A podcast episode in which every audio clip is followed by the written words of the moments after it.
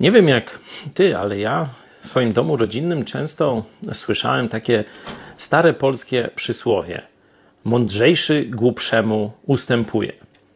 To tak jak miałem tam 8, 10 lat i ze swoimi siostrami ciotecznymi ciągłe jakieś tam boje toczyłem, no to szczególnie moja babcia starała się wykształcić we mnie taką cechę charakteru, żebym ustępował w niepotrzebnych konfliktach, w konfliktach ważnych. Nie można ustąpić. W konfliktach niepotrzebnych trzeba umieć ustąpić, chociaż rzeczywiście w człowieku tam się burzy to poczucie krzywdy, racji, a nawet sprawiedliwości. Jezus bardzo podobną radę dał swoim uczniom. To jest Ewangelia, Mate...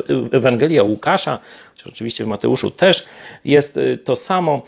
To jest na przykład szósty rozdział, 29 werset. Temu, kto cię uderzy w policzek, nadstaw i drugi, a temu, kto ci zabiera płaszcz, i sukni nie odmawiaj, niech się zapcha, e, mogę dodać.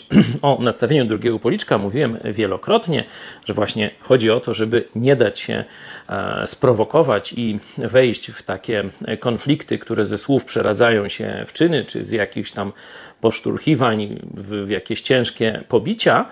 E, a dzisiaj chciałem tylko powiedzieć o tych, tych materialnych sprawach. Kto chce ci zabrać płaszcz i sukni, nie odmawiaj.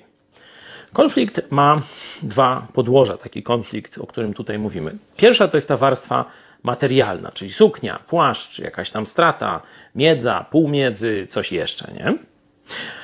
Ale przy każdym konflikcie jest warstwa psychiczna. Jest tak zwany koszt psychiczny. I teraz, spierając się o płaszcz czy o suknię, możesz wygrać płaszcz i suknię, ale przez to czy w wyniku tego możesz mieć dużo zmartwień, wzburzenia, e, stratę tam jakiegoś wieczoru, nieprzespaną noc i tak dalej. Zastanów się, czy warto. Czy nie warto oddać rzeczy, żeby mieć spokój sumienia? Mądrzejszy głupszemu ustępuje.